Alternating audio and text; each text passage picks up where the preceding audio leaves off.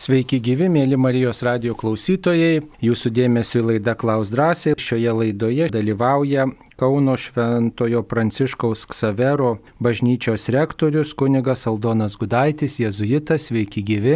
Labas rytas. Labas rytas ir taip pat prie mikrofono esu aš kunigas Saulis Bužauskas. Taigi jau turime keletą atsiųstų klausimų trumposiomis žinutėmis. Taip, koks bažnyčios požiūris yra į reinkarnaciją?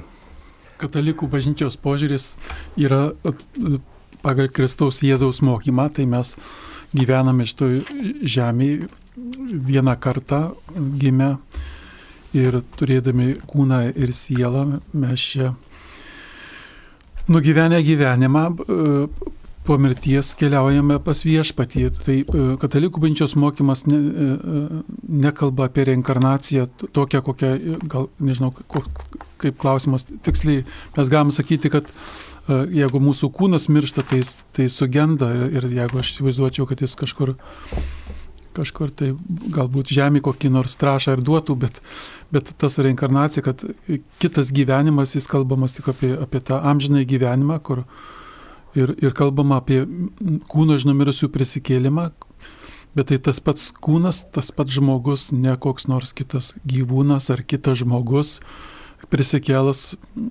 kitas žmogus tik dvasinė prasme, bet tas pats Aldonas, tas pats Saulis, tas pats klausėjas. Tai, tai bažnyčia katalikų netiki tą, tą reinkarnaciją, kur, kur tu kitų žmogumi gimsti ar, ar kitų kokiu nors augalu ar ten gyvulėliu Pagrindinis argumentas tai yra pats Jėzus Kristus, pati jo gyvenimo istorija. Štai jis gyveno, buvo Dievas ir žmogus, numirė ir prisikėlė ir jis yra tas pats, e, tas pats, tik tai jo tas kūnas kitoks, sudvasintas ir, ir tai yra mūsų, taip sakant, mums žinia, kokie mes būsime sulaukę štai tos valandos. Žinoma, tik tai visada klausimas, kiek metų prisikelsime.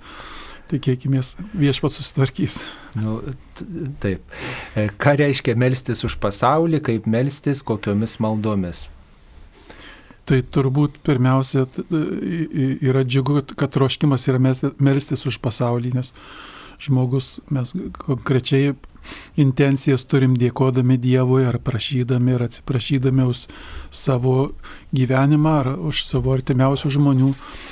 Bet e, jeigu sakome, esam sukurti panašus į Dievą, tai kartais atėjus mintis, kad mylėti pasaulį arba linkėti pasauliui taikos, o tos maldos tai jos įvairiausios galima ir pačiam, pačiam savo mintimis, savo žodžiais, bet galima tas pačias naudoti maldas, kurias mes turime. Yra ir, ir šventos, šventom mišiom intencijom žmonės prašo pasauliui taikos, kad kitose pasaulio šalyse būtų ramybė ir mišių visos maldos tinka, e, ne čia ypatingiau, ne neypatingiau. Net, e, reiškia, suteikiami visuotiniai atlaidai šiais Juozapo metais, jeigu mes pusę valandos, pavyzdžiui, apmastysime maldą Tėvę mūsų. Yra labai pati gražiausia krikščionių malda Tėvę mūsų paties Jėzaus išmokyta ir tai yra malda ne tik už mane, bet ir už visą pasaulį, už mus visus žmonės.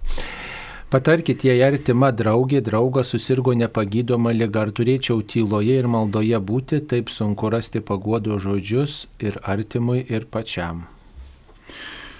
Taip kaip širdis sako, taip kaip ateina mintis, e, e, kiekvienas mes ištikti tokio, tokių skaudų, skaudžių įvykių turbūt skirtingai reaguojam, tai ir tyla padeda ir, ir taip toliau iš savo patirties aš tai galiu pasakyti, kai kai man brangų žmonės sirgo vėžiu, tai, tai kartais aš e, gyvendavau prašymo maldą, tiesiog rožinį kasdien kalbėdavau, kad, kad tas žmogus, mano sesuo ar brolis pasveiktų. E, kartais tai mišios buvo, kartais tai e, gal nepajėgdavau melstis. Vienu momentu, ir tai manau buvo iš Dievo toks atsakymas, dėkoti Dievui, kad turėjau seserį ir, ir brolį, nes nes po to, kiek aš prašiau, e, mes, kiek prašėme, vis tiek ta lyga progresavo, jie, jie mirė, nepagijo. E, tai atrodytų ta, ta, ta prašymo malda, nu, tai kaip čia dabar viešpatie, tai čia man prašyti, jeigu jie tiek daug melstasi, bet paskui galvojau, o kodėl tą maldą nepakeisti dėkojimo maldą, kad aš vis turėjau seserį, kad brolį turėjau dėkoti už Dievo meilę, kurią padarė Dievas per ją davė man. Tai ir aš jums linkėčiau ir dėkojimo maldą, neužmirškit, kad turėjau draugę, turi draugę, kad ji brangi. Tai nes Dievo valioje ir iš, išbūti skausme mes galim ne vien tik tai nusimenant, bet dėkojant Dievui, kad turim, turim draugę.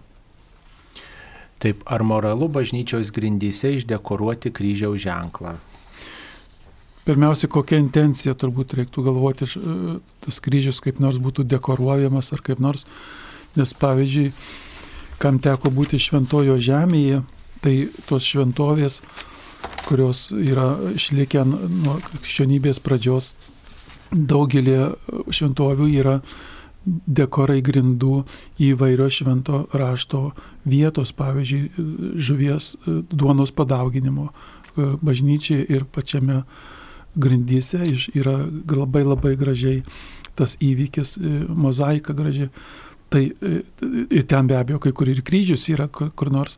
Tai kokia intencija, jeigu mes išdėsim dėl to, kad paniekinti kryžių arba, arba kažkaip, nežinau, gal toj kultūrai būtų uh, suprantama kaip, kaip paniekinimas, tai turbūt ne, netiktų, pavyzdžiui, neįsivaizduoju, privačiame name su kokia, kokia intencija aš tą kryžių išdekoruosiu, jeigu, o jeigu jis kažkaip nuo šalyje, šone, kur, kur, kur mažiau vaikščiojama, nežinau. Nėra įprasta Lietuvoje, kad matyčiau kur nors grindyse pas pasaulietį, bet, bet čia svarbiausia labai priklauso nuo intencijos. Taip, mums paskambino. Klausytoja Laima. Taip, Laima, klauskite. Gerbėjai, Zikrius. Per amžius. Aš dabar tokią noriu jaudina toksai dalykas, kada kunigai palieka. Ir, ir čia buvo, kad, kad ir vaikučių turėjo išaiškėję ir, ir, ir va dabar Antanas Blužas. Man tokie šulai, aš pati neseniai esu atsivertus virš 50 būdama sutvirtinimą tik priėmiau ir, ir labai samoningai ir labai, bet kaip pasakyti, E, sekam, sako, sek paskui Kristų, nežiūrėk į kunigus. Bet, e, nu, vis tiek įsikimbi į autoritetus tokius ir staiga palieki kaip avis be piemens. Ir va dabar Facebook'e įsidėję Antanas Blužas su savo mylimąją ir, e, reiškia, laikin net vyskupas, kunigai džiaugiasi tuo. Ir viena moteris e, taip liūdnai matyt, kaip, kaip ir aš, sako, palikot mus, kaip, kaip, pal... ir, ir, ir sako, o gal ir veidmainystė buvo. Jisai taip pat gal sako, man vienodai rodo, ką, ką kas apie mane galvo. Tai kažkaip, wow, o ar jam kada rūpėjo, ką mes galvojam. Ir, ir toks tada nu tiesiog kai buvo kaip atramos tokios tos atramos griūva ir tada pradedi abejoti ir tais šalia esančiais, tais auto, vat, kalba, sako pamokslą ir galvoji, o ką čia, irgi makaronus kabin. Ir ar aš čia viena tokia durnelė, su kur, kur, kur tuo tikiu, kur, kur ieškau, kur jeigu patys šitokias, šitokius mokslus baigia, šitokius duoda skaistybės įžadus, net turtą įžadus. Tai yra ne tik ne, žmonių akivaizdo šitokie pasiryžimai. Čia melas tik tai. Ir dabar su tokiu, reiškia, jau ta moteriški ir e, dukrelės laukės įsityrę matyti ir, ir, ir, ir laimingi ir vėl visi, visi laikin, kad kaip gerai. O, tai tada kažkaip va tokią atsakymą, o ką mums tada daryti, jeigu aš tikrai, va, dal, yra tikra, tikriausiai žmonių, kur labai reikšmingai jisai, e, reiškia, tikėję, jų, toks kaip vedlys buvo, ne tai, kad juo tikėję, aišku, yra blogai, kada su, sudėvinam kunigam ar, ar kokią, aš, aš suprantu, kad jisai tik žmogus, bet bet, bet vis dėlto mes sekam, jisai atsakings, kaip sako, paklus klebonui, nesiginčyk tenai, jis geriau žino, nu va, geriau žino. Įsikibau ir, ne, ir vis. Taip, ačiū už klausimą. Taigi, kaip reikėtų mums čia laikytis? Čia laima klausė. Taip. Laima, suprantu jūsų tą, tą išgyvenimą, tuo labiau, kad jūs sakot, nes nei atsivertę ieško tokio tikėjimo grinumo pavyzdžiai patraukia ir, ir taip toliau. Aš tik tai toks, toks pirmas teiginys būtų, jūs papasakojot, kaip turėtų būti, na, jūs norit, kaip turėtų būti, o mes matom, kaip yra. Ir dabar ką veikia Dievas visuose šituose įvykiuose. Turbūt pirmiausia vėl kvieščiau e, žiūrėti Jėzaus akimis, e, kaip Jėzus žemėje buvo, surinko jis mokinius, draugus, į kuriuos rėmėsi, buvo, kurie buvo pagalba. Ir tada, kai buvo sunku Jėzui, jis, e, jie išbėgiojo, ar ne? Ir, ir ką Jėzus daro tuo metu, kai tuo, kuo tu remiesi, tais, ta jėga atrodo tais draugais ir, ir tikėjimo draugais, šiuo atveju kunigais, kai jie savo gyvenime, e, ar aš, ar aš nu, nenorėčiau naudoti žodžio paslysta, bet Pasirenka kitaip. Tiesiog. Pasirenka kitaip ir tai yra e, kunigo kelionė, kaip ir kiekvieno žmogaus. E, aš tik tai šitoje vietoje sakyčiau, Dievas leidžia taip įvykti. Tai ką dabar toliau daryti? Jau Dievas leidžia įvykti, lygiai taip kaip įsivaizduoju šeimos, kurios sukurto šeimos ir, ir turėtų gyventi kartu ir, ir staiga įvyksta skirybos, atsiranda antras žmogus, atsiranda dar nauja gyvybė kitoj šeimoje, ką tada daryti. Ir tada mes, ir aš jums linkiu laimą, kad tikėjimo kelionė keliaujant, ta, į, į tą idealą, idealą labiausia, ką jūs ir paminėjote, yra, yra viešpats Dievas, mes į jį remiamės, kad pajėgtume atleisti, kad pajėgtume ne tik atleisti, bet tą žmogų vėl laiminti. Tai jeigu jie susilauks vaikučio, tai ką dabar jie turi abu du liūdėti, nusiminti arba e, atgailoti visų akise, kad, kad, kad čia taip mums įvyko, atėjo nauja gyvybė. Tai aš tik labai labai linkiu jums laimą matyti kiekvieno žmogaus kelionę. Visiems mums gali įvairiai nutikti. Ir šiuo atveju galbūt net ir geriau, kad jei žmogus pamilo ir, ir nevaidmenavo ar kaip nors, turbūt tas kelias dar daug geresnis būti tiesoje negu, negu tik toks man būtų atsakymas. Suprantu jūsų skausmą, bet iš naujo pamilkite žmogų, kuris, kurį Dievas toliau veda prie, prie savęs ir, ir bažnyčia net po kiek laiko duoda teisę peiti į pasauliečių luomą, kad galėtų teisėtai būti šeimoje. Tai, tai, bet šitas įvykis nemažina, nemažina, nenuvertina skaistumo kaip tokio, kurie žmonės pasirinka. Lygiai kaip santokos, jeigu ir būna skirybos, bet kiekviena nauja santoka vertinga kurti ir amžinai pažadėti ištikimybę santoka pati savyje vertybė yra viens kitam amžinai pažadėti ištikimybę. Ta vertybė išlieka, tik taip kaip Jėzaus mokiniams ne visiems pavyko, vienam net, net išdavystė įvyko ir tai Jėzus už jį mirė, jam plovė ranka, e, kojas. Šitoje vietoje aš tik linkiu tokios prašyti gailestingumo ir O tą atsakymą žinutėse, kad man nerūpia, aš nemanyčiau, kad kunigas Antanas Bložas taip kažkaip tai E, lyg ciniškai kaip nors atsakytų, aš manyčiau, kad, kad jam toliau reikia gyventi ir jeigu jis kreips dėmesį į žmonių įvairias nuomonės, tai, tai nueis į depresiją, jeigu tenai ištisai smerkimai arba kaip nors, tai aš manau, kad jo tas atsakymas daugiau yra, kad nu, toliau gyvensiu gyvenimą bandymą dadydamas mylėti, o ne į žmonių nuomonės kreipdamas dėmesio.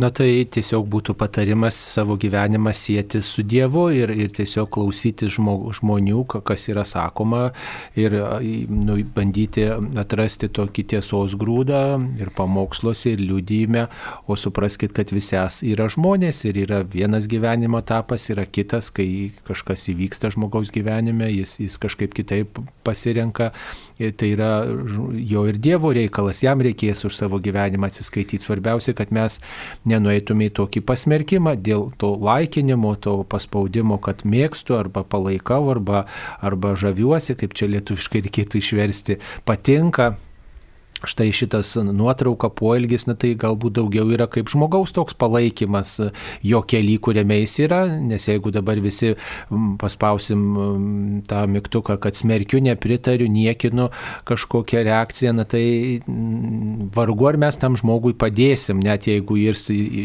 mūsų nuomonė, sakykime, klaidą padarė. Tai tiesiog svarbu na, mūsų gyvenime nesmerkti ir neniekinti kito žmogaus, kad ir kokį kelią jis būtų pasirinkęs pasirinkęs, va, o, o šiaip vieniem kitus palaikyti ir, ir palaikyti kaip žmonės, gal nepritarti vienam ar kitam elgesiu, bet kaip žmogų palaikyti. Tai jeigu, pavyzdžiui, nepatinka kažkam, tai tiesiog nepalaikom, ignoruojam, bent jau, bent jau neniekinam, sakyčiau taip. Taip, dar viena žinutė mums atėjo. Dėkoja čia klausytojai už kalėdinę, kalėdinę dovanėlę ir nori paklausti, ar dviniams berniukams reikalingi dviejį krikšto tėvai, ar pakanka vienų. Pakanka vienų, jeigu e, atsiras skirtingi gražu turėti, aš pavyzdžiui esu dvyniais ir, ir mano brolis turi, turėjo atskirus krikšto tėčius ir mamas ir aš taip pat, bet pakanka, pakanka ir, ir vieno, ir, ir dviem vaikam krikšto tėvai. Pakanka. Svarbu, kad būtų tas dėmesys turbūt krikšto tėvų, krikšto vaikams. Kunigė Aldonai Šilovoje per puikų savo pamokslą citavote į rudenį būk pavasario žmogumi ar kažkaip panašiai paminėjote, kieno tai žodžiai. Gal galėtumėte, jei pamenate, pakartoti, nespėjome įsidėmėti jų autoriaus, bet privertėte ilgam susimastyti. Ačiū Dievo palaimos. Taip, Šiluvoje tenka kartais pamokslėliai pasakyti, tai visada jaudinuosi ir ruošiuosi, dažnai pasiremiu kitais autoriais, šiuo atveju tikrai atsimenu tos žodžius ir tai yra popiežiaus pranciškaus. Neatsimenu dabar, kurioje vietoje jis pasakęs, ar jaunimui, ar, ar kokia tai proga, bet žinau, kad tai yra popiežiaus pranciškaus dabartinio popiežiaus žodžiai, kuries, kaip jis visada moka sudabartinti, prakalbinti arba prabilti ir lyg poetiškai ir, ir taip giliai, ir kad, kad aplinka daro įtaką, bet žmogaus siela gali būti jauna arba pavasario pilna, tai čia yra Pranciškaus popiežiaus Pranciškaus. Taip. Ar aš gerai suprantu, kad dvasinę išpažinti galima atlikti tik neturint sunkių nuodėmių, o turint sunkių nuodėmių būtina sakramentinė išpažintis? Mm. E, visada turint sunkę nuodėmę e, reiktų eiti iš sakramentinės išpažinties. Tačiau e, dvasinė išpažintis tinka ir tuo metu. Ir tuo metu mes, pavyzdžiui, įsivaizduočiau, nu, šiuo metu, kai jūs negalite dalyvauti tiesiogiai mišiuose, negalite primti Jėzaus, Jėzaus kūną sakramentiniu pavydalu matomai arba apčiopiamai, tai mums kunigams, pavyzdžiui, kurie eidavo aukoti šventų mišių ir tuo metu nėra kunigo, jau ją taip nutiktų, kad kunigas sunkia nuodėmė padarė ir nėra paskait likti iš pažinties, o žmonės susirinkę mišių laukia, tai, tai mes taip pasiryžd, mus, mus taip ragino pasiryžti, kad kai tik bus galimybė atliksiu iš pažinti, bet tai nutarnauti žmonėms, atlikti iš pažinti atlikti šventas pareigas ir taip toliau. Tai tiktų ir jums e, dvasinė išpažintis tuo metu, kai negaliu realiai pasirinkti kunigo surasti ir, ir taip toliau, arba dvasiškai noriu priimti komuniją, galime gailėtis ir už sunkes nuodėmės ir priimti dvasinį komuniją. Taip, ta dvasinė komunija yra tokia, bet kokiu atveju mūsų paruošimas sakramentiniai e, išpažinčiai, dvasiniai išpažintis, e, kai mes tiesiog sužadinam tokį gailestį ir troškimą susitaikyti su Dievu. E, taip, dar viena žinutė. Dabar mums paskambino. Klausytoja Bernadeta iš Vilnius. Tai Bernadeta klauskite. Bernadeta, jūs eterija, klauskite. Au. Garbėjus Kristus. Per amžius. Per amžius amen. O aš labai jūs blogai girdžiu, bet gal kaip nors, kaip nors. Aš norėjau paklausti šitą, kaip sako Kristus, kur du arba trys susirenka mano vardu, tai ir aš ten esu. Tai jeigu mes dabar klausom per Marijos radiją rožinį, ar šitas dėsnis mums veikia ar ne? Taip, ačiū. Tai turbūt jūs, Bernadeta, jau atsakėt ir iš, iš tą klausimą. Žinoma, kad veikia viešpačiai nėra e, kokių tai e, ryš, e, ryšių, e, per kuriuos negalėtų ateiti. Tik tai jeigu nebūtų pandemijos ir nebūtų to vadinamo mums, e, nebūtų trukdžių susitikti, įsivaizduočiau, kai, kai, kai kaimynai susirenka pavasarį sukalbėti uh, Marijos litanijos arba ten kartu susitinka. Tai tas re, uh, santykis kartu melžintis dar labiau pagyvina, ne, ir taip toliau, bet šiuo atveju mes dabar, kai čia kalbame, jau, jau esame 2-3 viešpats tikrai su mumis, to, tikrai tinka tas pasakymas. Ypatingai, kai žmonės kitais būdais negali susitikti, bendrauti dėl, dėl sveikatos ar dėl šių laikų apribojimų, tai ypatingai viešpats e, džiaugiasi tą bendrystę, kurią mes stengiamės e, tarp krikščionių kurti. Net ir žinau, šiuo metu, kai va, tų apribojimų yra daug, daug tokių praktikų, kur keli draugai sutarę vakare 8 val. jungiasi nuotoliniu būdu ir sukalba rožinio slėpinį vieną arba kokį, su mal, šventų raštu pasimeldžia. Vėl tas 2-3 mano vardu. Taip. Dar viena žinutė, jei pamilau ištekėjusią nebažnytinėje santokoje esančią moterį ir ji mane pamilo, ar čia sunki nuodėmė, artimų santykių nebuvo dar, ar tai gali būti Dievo valia. Hmm.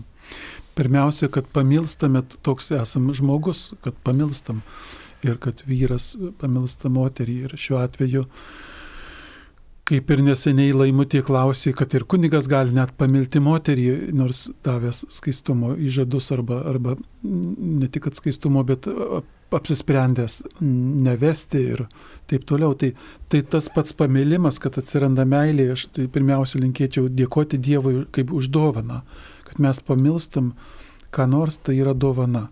Tačiau kaip su kiekvienu ir gerų dalykų, ką su tuo darome, kaip tai teisingai darome. Įsivaizduočiau, čia klausimas, pamilau ištekėjusią moterį, taip tai, protas sako, kad tas ta žmogus pažadėtas kitam, ar kad tai sukurta kita šeima, tai, tai Dievo valia negali būti, kad tai, kas, kas kitam žmogui, ką kitas pažadėjęs ir jis, ir jis reiškia dabar kitokia valia.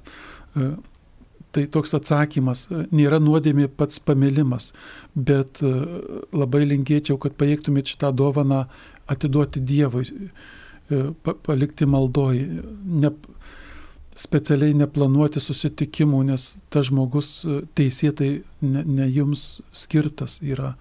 Ir, ir, ir, ir mylėti, ne tik mylėti ją, tai mylėti jos šeimą jau sukurtą. Padėti jai, kad jie šeimoje pasiliktų, o ne, o ne, ne su jumis leistų laiką. Tai čia man žinau, kad lengva teoriškai kalbėti jums patarti, kaip turėtų būti, bet, bet pati meilė, ji nėra blogis, kur jau nuodėmė. Tačiau ką su ją darau. Ir čia lygiai taip net kaip, kai mes žmo, žmonės prarandam per mirtį, čia, nu, čia gal toks palyginimas, bet turėjau dovaną ir praradau ir labai skauda, net mama ar, ar vyra žmona per mirtį praranda atiduoti Dievui tą dovaną, nes jau jos neturiu. Šiuo atveju atiduok Dievui šitą meilės išgyvenimą, skausmą, kad ne tavo žmogus. Nes e, įstatymas yra, pagal kurį mes negalime kito gėrio greuti. Yra tos moters vyras, kuriam, kuriam jis skirta jos meilė ar jos vaikai yra, kuri turi laiką praleisti ir taip toliau. Na, bet to reikia prisiminti, kad meilė tai nėra tik tai man patinka, man mėla, man gera, man smagu, bet meilė visuomet turi ir tam tikrų tokių pasiaukojimų. Ir įsipareigojimų. Mm, įsipareigojimų, atsakomybės, tai štai tas atsisakymas galbūt intimių santykių šiuo atveju, tas, tas dėm, toks iš tolo ta meilė to, tam žmogui e, turbūt būtų toks tinkamas kelias. Mums paskambino. Vilija iš Panevežio. Taip, Vilija, klauskite, jūs eterija. Aš noriu, garbėjai Kristų, ir noriu, ir noriu labai paklausyti, kai mes tarpusai pasišnekam, sakom, vardienį, vardienį Kristus, taigi vardienis su vardienis, o tie turtingi sako, su to turtingais, jeigu kokiais jau tikrai žinom milijonieriai ir visai, kaip mes kokie daug milijonierių yra kaime, sako, mes, sako, jokie ne vardienį, sako, kokie mes vardieniai mes sako, žemę dirbam, bet, bet tai vargstam, bet, bet mes nevargdieniai. O mes sakom, gal mes tik tai, kurie neturtingi yra vargdieniai. Kaip supras, nu norėtų taip plačiau, nes dis, diskusija tam tikra vyks, kartais diskutuojam ir sakom. Ir nežinom, nu norėtų. Taip, supratom. Gerai, paaiškinsim, pabandysim paaiškinti. Jeigu neklystu, dar ten sakoma dvasingieji vargdieniai, palaiminti dvasingieji vargdieniai, jų yra dangaus karalystė. Tai tas dvasingieji vargdieniai man apima kiekvieną žmogų, tu gali būti, e, e, dar vaikas augdamas sako, gali būti ubagas, tik lasdą ir duoną turėti, duonos kriaukšlelę, bet gali taip prisirišti prie tos lasdos arba prie tos vietos, kur renki pinigėlius, kad kitam duosi per galvą su lasda ir taip toliau nesidalinsi ir gali būti milijardierius ir turtingiausia pasaulyje žmogus. Apaštlas Paulius sako, galiu viską turėti, pažinti viską, bet jei net, nebus meilės, būsiu tas vargšas, būsiu niekas.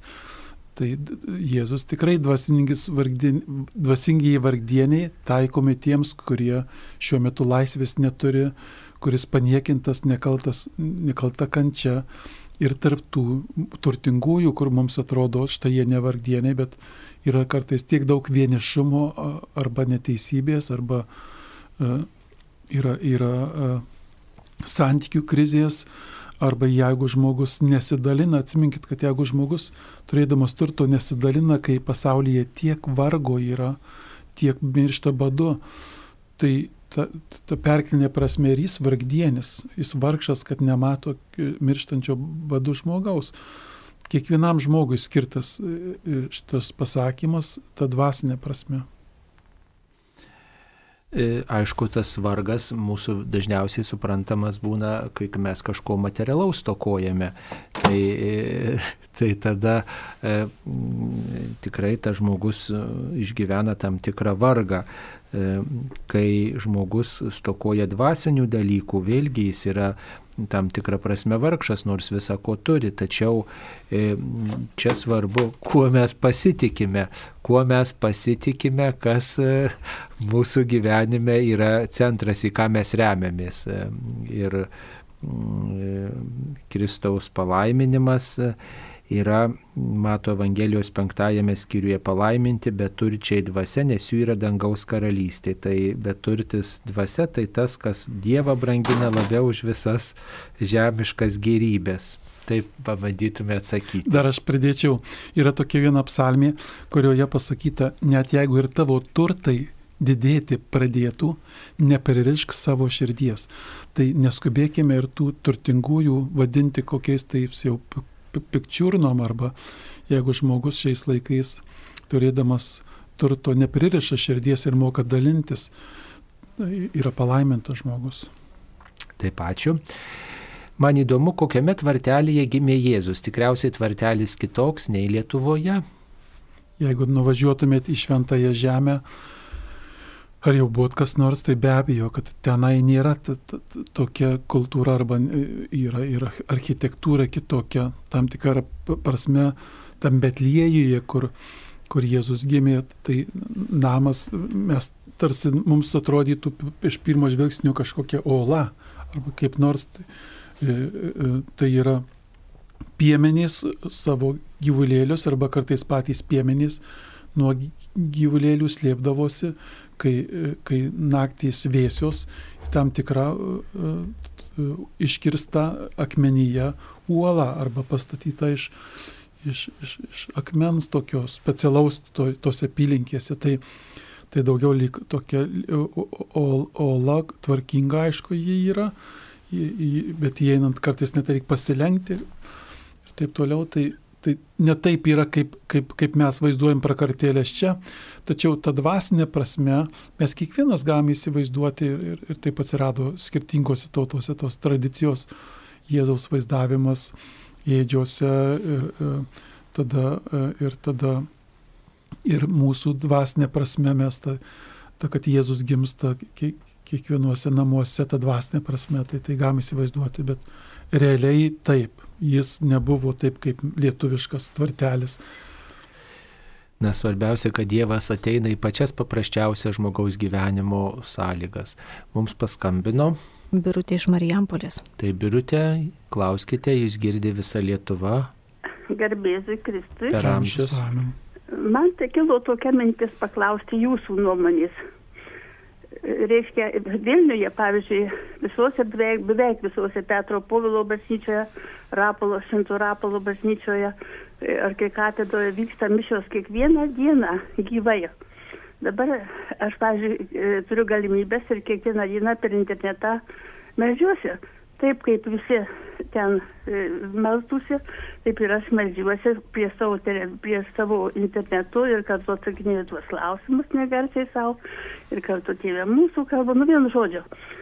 Bet vienas iš kunigų man pasakė taip, sako, ten tavo tas e, dalyvavimas per internetą arba per televiziją, tai nieko ten nereiškia. Tai žinot, vis tiek mes turim Dievo kūrinius saugoti, o žmogus yra Dievo kūrinys. Tai mes, kaip sueinam į bažnyčią ir senutės, taip sukosti, kad pusantro metro lekia seilės, tai aš tiesiog skaitau, ką aš turėčiau daryti. Taip, ačiū už Jūsų klausimą. Jūs elgėtės labai teisingai, nes už tai, kad šiuo metu teisėtas teisėtas viskupų konferencijos nutarimas yra, kad ne, ne, neorganizuojamos viešos pamaldos ir, ir, meldžiamės nuotoliniu būdu. Pasilieka atskiri atvejai, pavyzdžiui, laidotųjų atvejai, kai, kai galima dalyvauti keliams žmonėms. Ir žinot, e, nėra taip toks, toks raidės dalykas. Įsivaizduokit, jeigu kunigas bažnyčioje aukoja mišes nuotoliniu būdu, o yra yra valytoja, ar yra, ar yra šeimininkė, su kuriais ir taip kasdien bendraujama.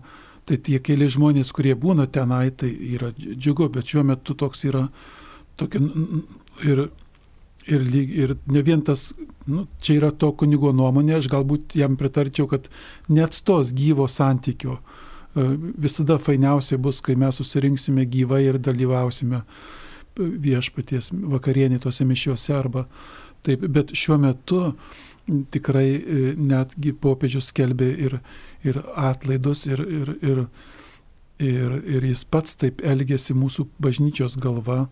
E, jos yra tiek pat vertingos šiuo metu, nes nėra kitų būdų, kaip melstis ir die, dievulio tai nepriboja. Tai, tai jūs tai, ką darote, darote gerai. Nežinau, kodėl kunigas taip jums pasakė, galbūt ta kokybės prasme daug žmonių sutinku, sako, kad man sunku dalyvauti nuotoliniu būdu ir susikaupti ir nejaučiu kitų žmonių taip toliau, bet, bet toks, toks būdas dabar šitaip yra. Aš įsivaizduočiau, kur persikėjome krikščionys buvo kažkada tai, kur būdavo kokioje nors kalėjime kameroje, tai iš vis negalėjau nieko, ne, niekaip kitaip. Toks kunigas Juozas Debskis kameroje tarp, tarp kalinių, kuriuos, kurie buvo e, kriminalistai, atsilikdavo rekolekcijas, melzdamasis arba aukodavo mišes kur nors kamp, kampukyje. Ir tai, tai e, aš jums linkiu e, sąžinės ramybės.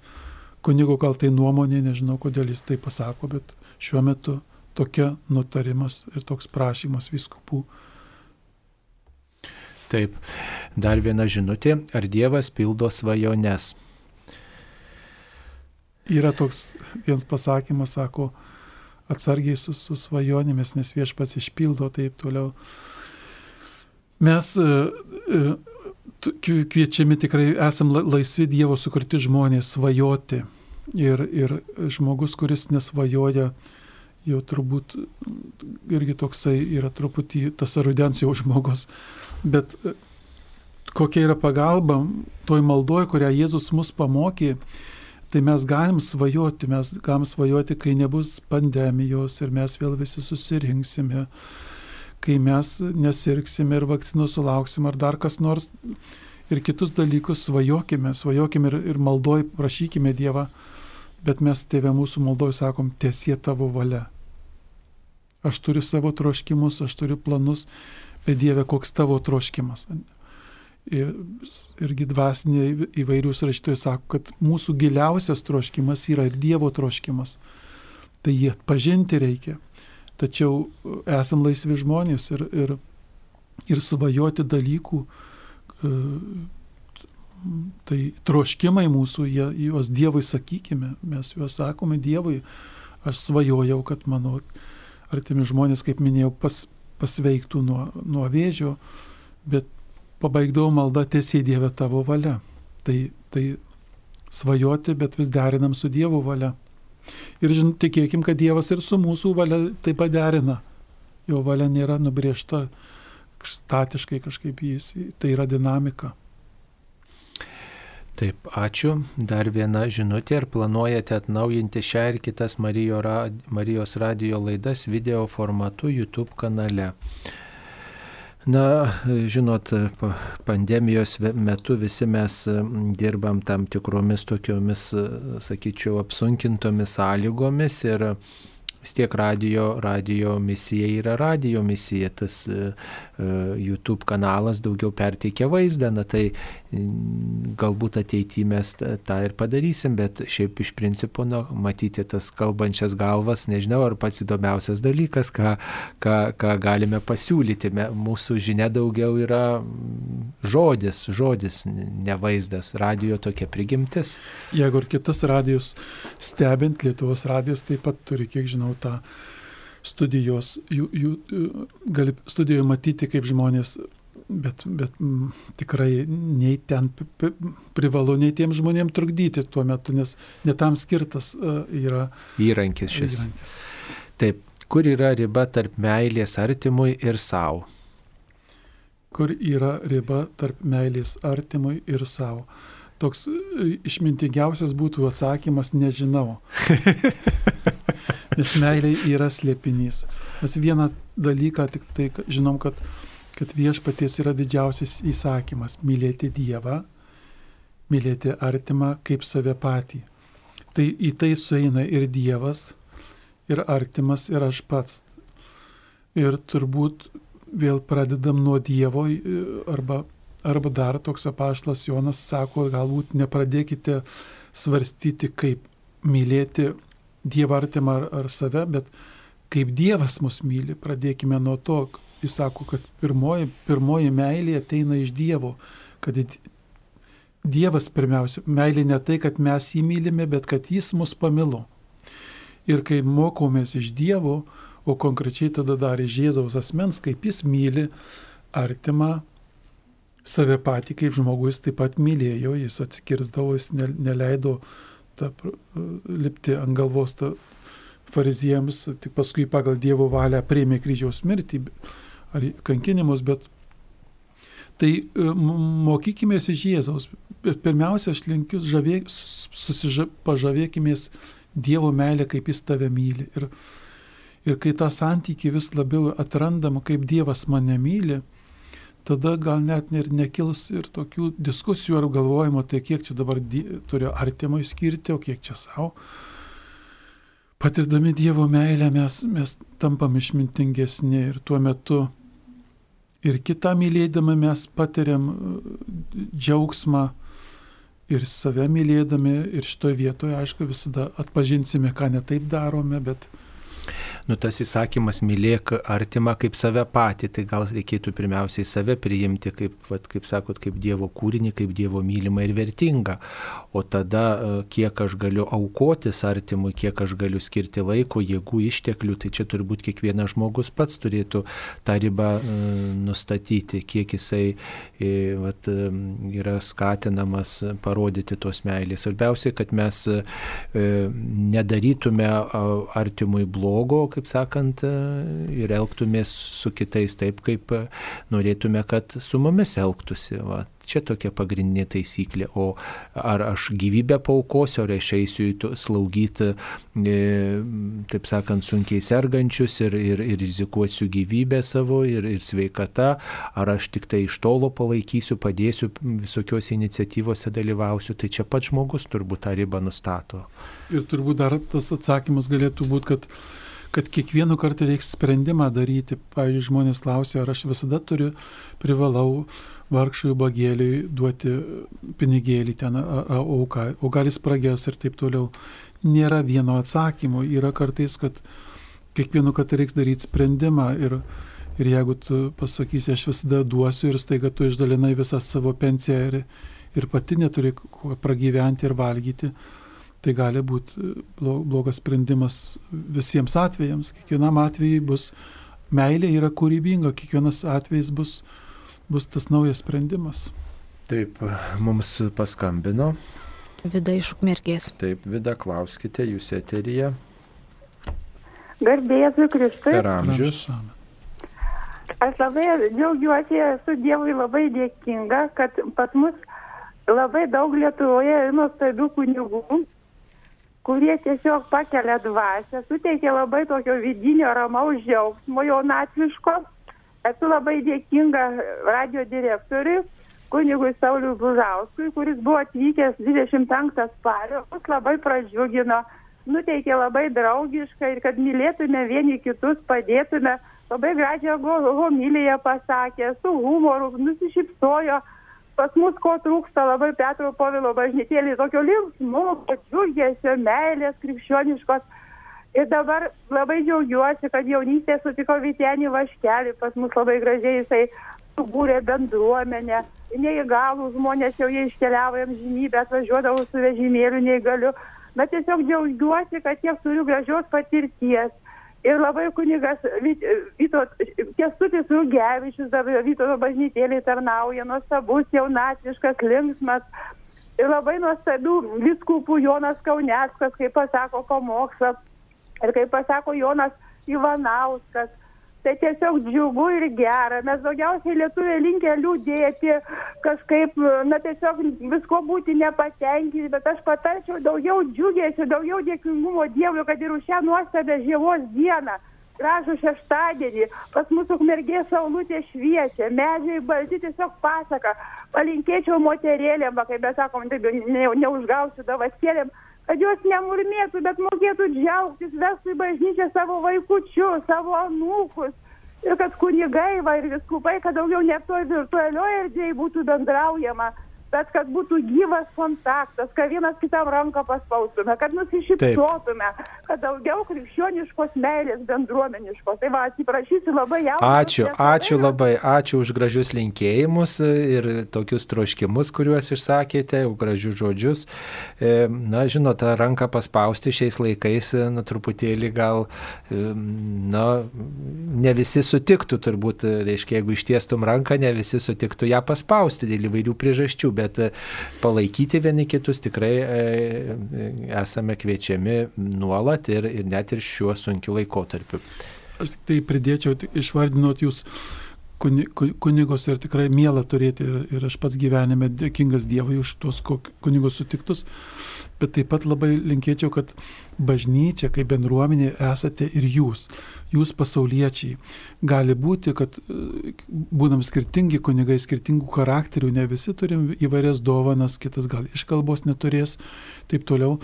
Tai labai linkiu, kad bendruomeniai bažnyčioje matytumėt ne vien kunigą, kuris svarbus, bet ir kartais taip, taip smagu turėti bendruomeniai tų gerų pasauliečių, kurie taip pat palaiko. Ir nors ir kunigai keičiasi, bet bendruomeniai būna gyvybė dėl tų pasų pasauliečių, kurie, kurie išmintingi, patarė, padeda ir kaip jūs sakot, vat, kaip ir jūs šiandien linksmi, dėkingumo pilni ir taip toliau. Tai ačiū, kad branginat kunigus, bet neužmirškit, kad ir jūs ta pati bažnyčia gyvoja esat.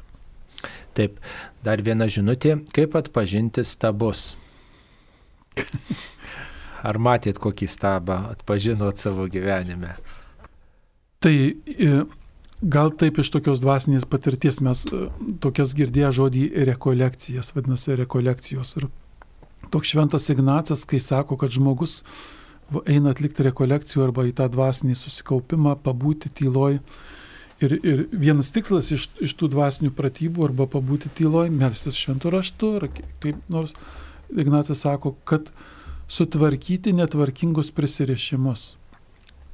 mums prisirišimai reikalingi, mes jau, jau prieš gimimą esam nuo mamytės priklausomi, ta virkštelė vadinama neišgyventum, jeigu nukirptų. Ir, ir augdami mes turim daug žmonių, kurie mums svarbus, ar įvykiai, ar vieta, ar, ar prie kurių dalykų mes prisirišam, mes tai bandom išgyventi.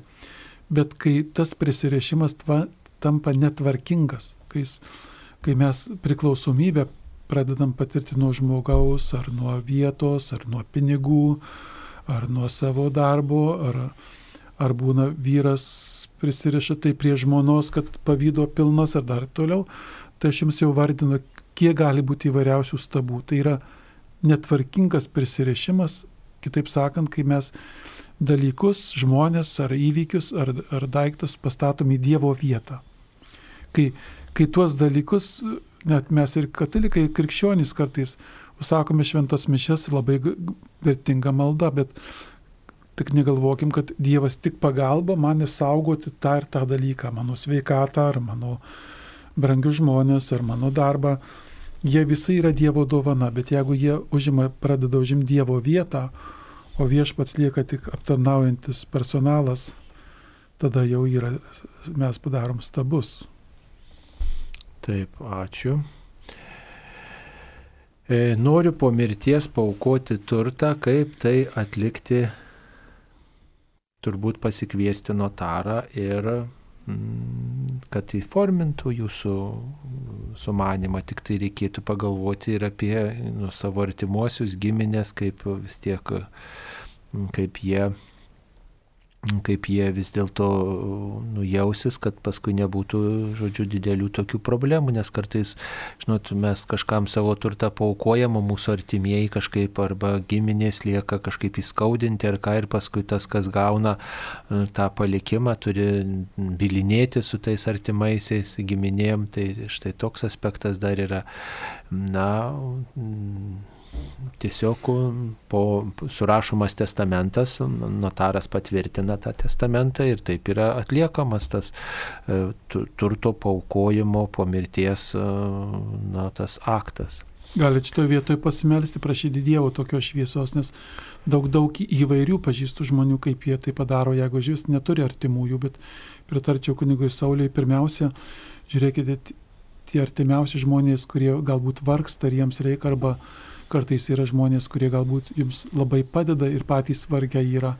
Žinau kelius atvejus, kai, kai jauna šeima, kurie turi vaikutį ir neturi kur gyventi ir tada e, jie globoja tą, tą senutę ar ką nors ir, ir, jie, ir jie palieka jiems vietą gyvenimui.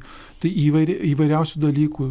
Tai būna laisva širdis tą daryti, bet pirmiausia notarą pasikvieskite, jis jums padės teisiškai tai padaryti, kam jūs skirsit. Paveiksle pavaizduotas izraelitų perėjimas per Raudonąją jūrą ir matyti, kaip jie nešasi sandoros skrynę, ar joje buvo Dievo įsakymų plokštės. Taip, sandoros skrynioje buvo Dievo įsakymų plokštės e, ir taip pat joje buvo auksinis dubenėlis manos ir Arono lasda, kuri per naktį pražydo. Ir ta sandoros skrynė būdavo, buvo pagaminta iš grino aukso. Dėje visokiuose e, karuose, išbandymuose, antpoliuose ta sandoros skrynė yra pradingusi ir šiuo metu nežinomas jos likimas. Taip, dar vieną žinutę turime. Čia dėkoja klausytojai už padėką, už sveikinimą, kuriuos gavo aukotojai ir klausia, ar atsiųstas medalikėlis yra pašventintas. Taip, visi medalikėliai yra pašventinti ir galite sėkmingai juos nešioti, tik nepamirškite maldą e, lydėti šitą praktiką ir prašyti mergelės Marijos pagalbos jums ir jūsų artimiesiems ir visiems žmonėms, kad Marija mus gintų, globotų, kaip ir mūsų krikščioniškas tikėjimas mus moko. E, taip ir dar viena panaši žinutė, esu per parapijos kunigą perdavusi jūsų studijai solidžią auką statyboms. Girdėjau, kad buvo dalyjami atminimo ženkliukai, aš nesulaukiau net padėkos. Na, jūsų telefoną perduosime mūsų darbuotojams ir jie jums paskambins ir mes pabandysim pasiaiškinti, žodžiu, ir tikrai atsiprašom, jeigu per neapsižiūrėjimą jums neišsiuntėme padėkos ar, ar, ar, ar kaip kitaip nepadėkojom, neparodėm dėmesio, tai tikrai apgailestaujame, o žinot, kartais auka galbūt šiuo pandemijos metu gal pasieks vėliau, ne visos aukos taip e, labai sparčiai pasiekia mūsų Marijos radijos studiją, jas perdodate patikimiems žmonėms. Taip, dar viena žinutė. Ar padarėme nepataisomą nuodėmę, ne karantino metu žmogų palaidoja lygiai po vienos paros, o ne po dviejų ar trijų? Nėra jokios bažnytinės nuostatos per kiek dienų reiktų palaidoti žmogų. Bažnytinė nuostata yra, kad pagarbus mirusiojo kūnas turi būti laikomas ir palaidojamas.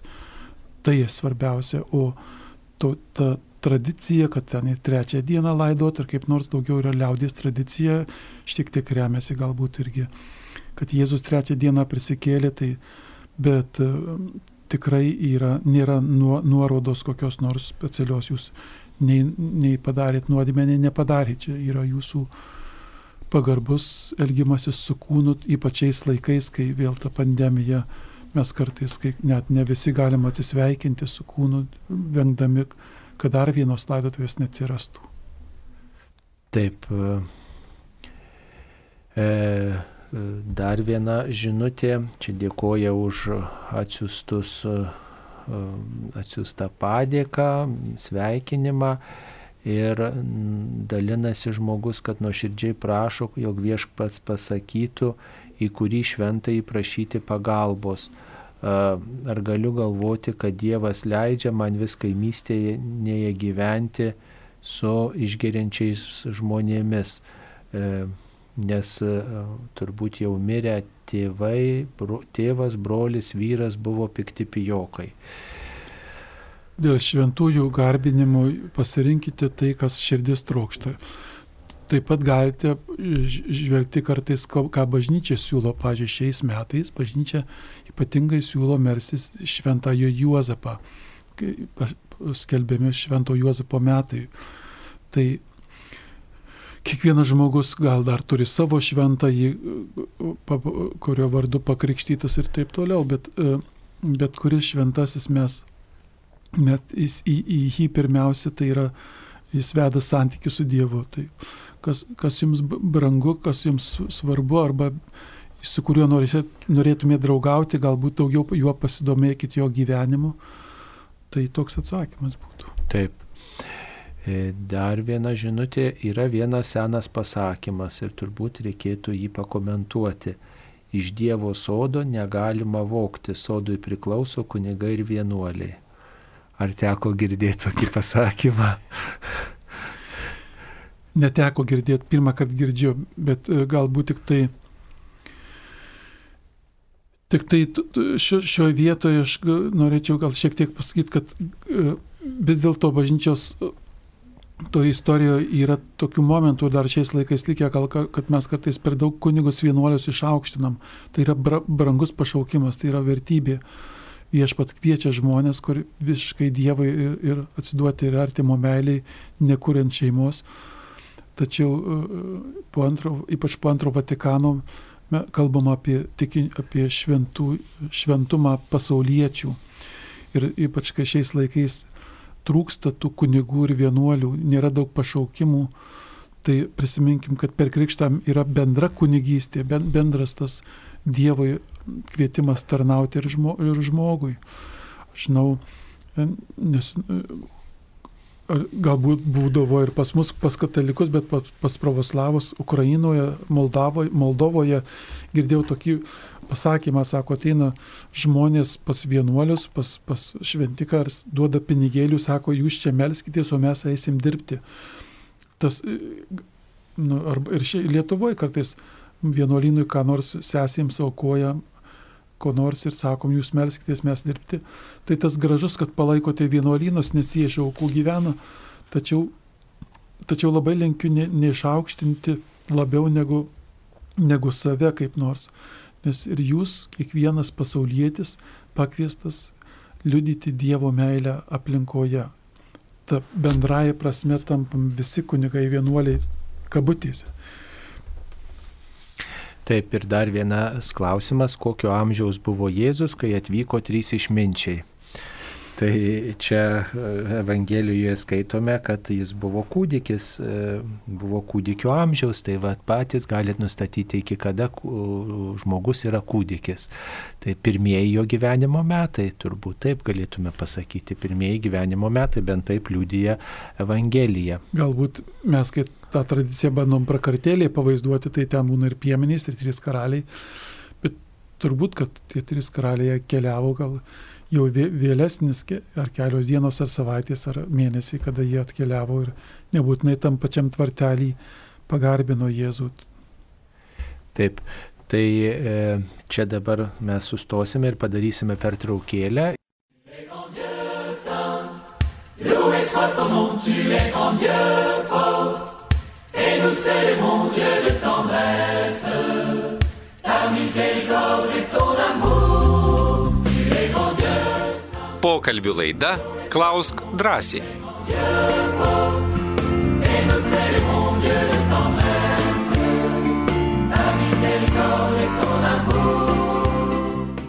Tęsėme laidą Klaus drąsiai. Šioje laidoje dalyvauja tėvas Jėzuitas Aldonas Gudaitis iš e, Kauno Švento Pranciškaus uh, Ksavero bažnyčios rektorius ir Jėzuitų gimnazijos direktorius. Ir taip pat esu aš, kunigas Saulis Bužauskas. Tai turime keletą atsiustų žinučių. Kodėl žmogus senovėje atsirado taip vėlai, juk buvo ir dinozauro era, o maždaug kada gyveno Domas ir Jėva? Biblija pati mes visada vadinam tikėjimo knyga. Kaip atsirado prieš kiek metų žmogus, e, kaip ta evoliucija buvo ir taip toliau yra mokslos rytis, istorijos rytis ir, ir, ir daug dalykų atrasta ir taip toliau. Tai tie, kurie domisi e, biologija ir žmogaus atsiradimu Žemės istorija visą tikrai galima atrasti. Bet e, pati Biblija tie visi pasakojimai pirmiausia kalba apie, yra tikėjimo knyga. Tai ir ta tikėjimo knyga mums sako, Dievas sukūrė žmogų. Kaip jį sukūrė, yra mokslo, mokslo sritis. Ar, e, e, ir čia neprieštarauja, pavyzdžiui, evoliucijos e, dalykai tikėjimoje, ne? Nes Ir, ir, tur, ir be abejo, kad nebuvo taip, ne, negalėtum galvoti taip primityviai, kad viešpats iš molio gero nulipdė ir taip toliau. Bet, bet kad Dievas uh, sukūrė, tai reiškia, leido tokias sąlygas ir tada Dievo įsikišimas mes kalbame, kad Dievas uh, duoda nemirtingumą, tai yra tas siela, dvasia sukūriama Dievo. Tai čia yra Dievo įsikišimas, ne, ne, ne evoliuciniai dalykai yra kaip nors. Uh, Taip, mums paskambino. Garbė Jėzui Kristui. Aš noriu paklausti, pirmiausia, tai ačiū už padėką e, Bužauskui, kuris taip mus nuteikė, nu tiesiog per šiulinės atlaidus noriu pamatyti, kaip atrodo kunikas, pamačiau, nu, žin, nudžiugau. Ačiū labai jums už, už gerus žodžius, už, už, už viską. Dabar noriu paklausti, ar teisingai galvoju, modernizmas, kad atėjo šitą, į, į bažnyčią, nuėm Dievo stalus, to jau nustojo, reiškia, to jau nutrūko pašaukimai. Buvo ryškiai matyti. Dabar antras klausimas, kada Landsbergis paskelbė nepriklausomybę, Marija pasakė vienam žmogui, reiškia, aš lietu išvesti su Landsbergiu kaip fakelą, reiškia, prieš akį ir su sąlyga, jei bus panaikinta degtinis pramonė. Tos, tos, reiškia, jam buvo duota raštiškai viskas pranešta ir rankas įduota ir jis, jisai to neįvykdė, ir tada Landsbergį jau to, to nuėmė nuo tų valdžios, ir, o Lietuvą paliko girtoklystės. Labai skauda, labai gaila, kad tai neįvyko, kad būtų tai padarę, tai būtų Lietuva buvus be lygų, be, be, be, be, be visokių kančių būt Marija valdys Lietuvą. Nu, va, tiek norėjau pasakyti. Tas jūsų svarstymas, tas ta, ta pirmoji mintis, kaip supratau, kad e, e, galima galvoti apie Dievas, kad Dievas. Jo, jūsų gražaus svarstymai, aš tik tai linkiu, kad, kad jeigu apie tą pačią girtuoklystę kalbant, kad tikėkit, kad Lietuvoje daug gerų žmonių yra, kurie negirtuokliai. Ne? Tai visais laikais e, e, alkoholis daro savo žalą. Bet labai linkiu, ne, ne, ne, neskubėkit sakyti, visa Lietuva girtuoklystė, aš be galo daug gerų žmonių pažįstu, kurie ir šiuo metu, kaip ir tuo metu šalia Landsbergio daug gerų žmonių ir šiuo metu, kurie labai myli Lietuvą ir, ir, ir, jie, ir jie ne kokie nors pijokai girtuokliai, bet, bet pasiryžę dėl Lietuvos jaunoj kartoj, žinau žmonių, kurie, kurie myli arba jūs žiūrėkit pandemijos metu šiuo metu tokios akcijos ne vien bažnyčios, bet ypatingai pasauliečių žmonių savanorystė e, ir taip toliau. Matykite, e, kad Dievas ir, ir, ir, ir Marija motinėlė globoja Lietuvą. Ir toliau mes turime vėl tą brangę laisvę 30 metų. Tai, mm, nu, tai toks mano pasvarstymas, jūs klausit, ar teisingai svarstau. Šventam rašte yra tokie žodžiai. Ieškokite Dievo karalystės bet kurioje situacijoje, kokioje mes esame, net priespaidoje, kai buvome priespaidoje pavergti, mes buvom kviečiami ieškoti Dievo karalystėje, ką, ką Dievas veikia mūsų tarpe. Ir tada buvo gerų daug žmonių pasiaukojusių už Lietuvą, pasiruošę atiduoti ir tai buvo Dievo karalystė.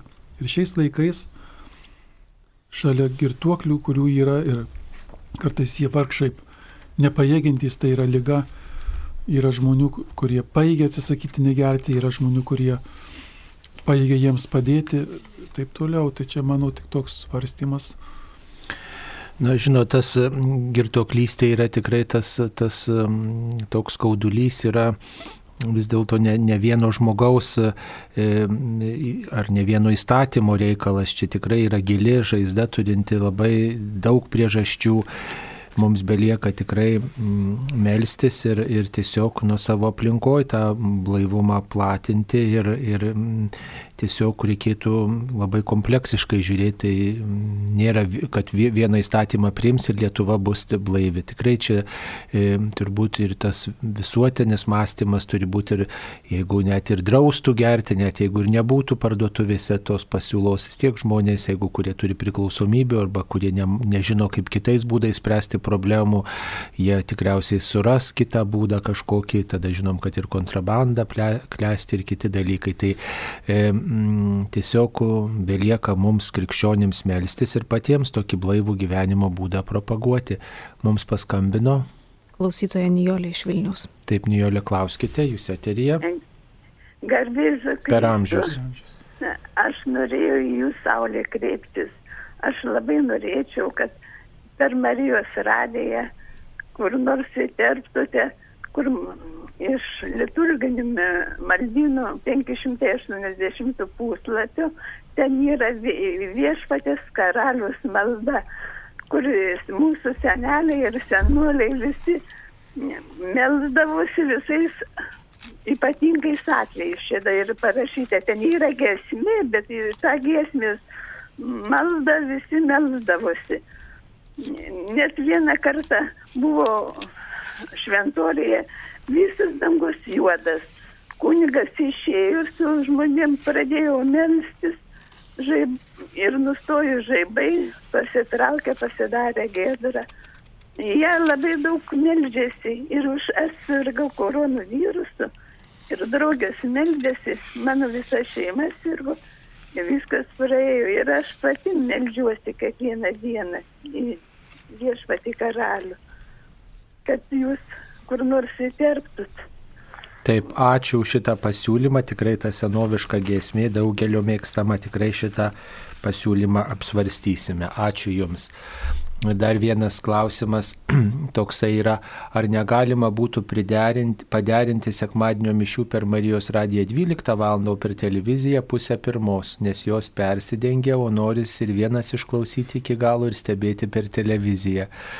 Na tai turbūt užtenka apsiriboti vienomis mišiomis, e, tiesiog jūs e, galite pasirinkti, bet e, mato televizija, jinai gyvuoja pagal savus dėsnius, pagal savo tvarką, o, o, o, o, o Marijos radijas turi savo nusistovėjusią tvarką, tai tiesiog tikrai būtų keblu suderinti, nes tas klausimas tikrai nėra, nėra lengvai sprendžiamas. Tai, tai, tai tiek būtų. Aš tik pridėčiau, e, kad, e, kad gerai, kad branginat šventas mišes, tačiau šventos mišios yra, kai mes jas išklausome, paskui jau viešpats trokšta, kad mes, kad jis aukojosi mirė ir prisikėlė, kad mišius, mišiose dalyvavę mes e, grįžtame į kasdienybę mylėti artimus žmonės.